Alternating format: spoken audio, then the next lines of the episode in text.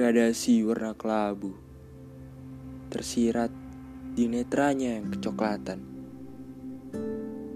Bulir hujan tak segan bermigrasi di balik awan berpindah perlahan, lalu terjun bebas dari pelipis ke pipi.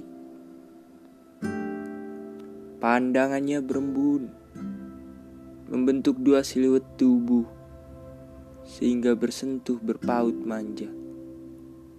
Melihat sang kekasih yang tak tahu terima kasih. Mereteskan satu titik tinta hitam tenggelam lalu membias di dasar relung berbentuk palung.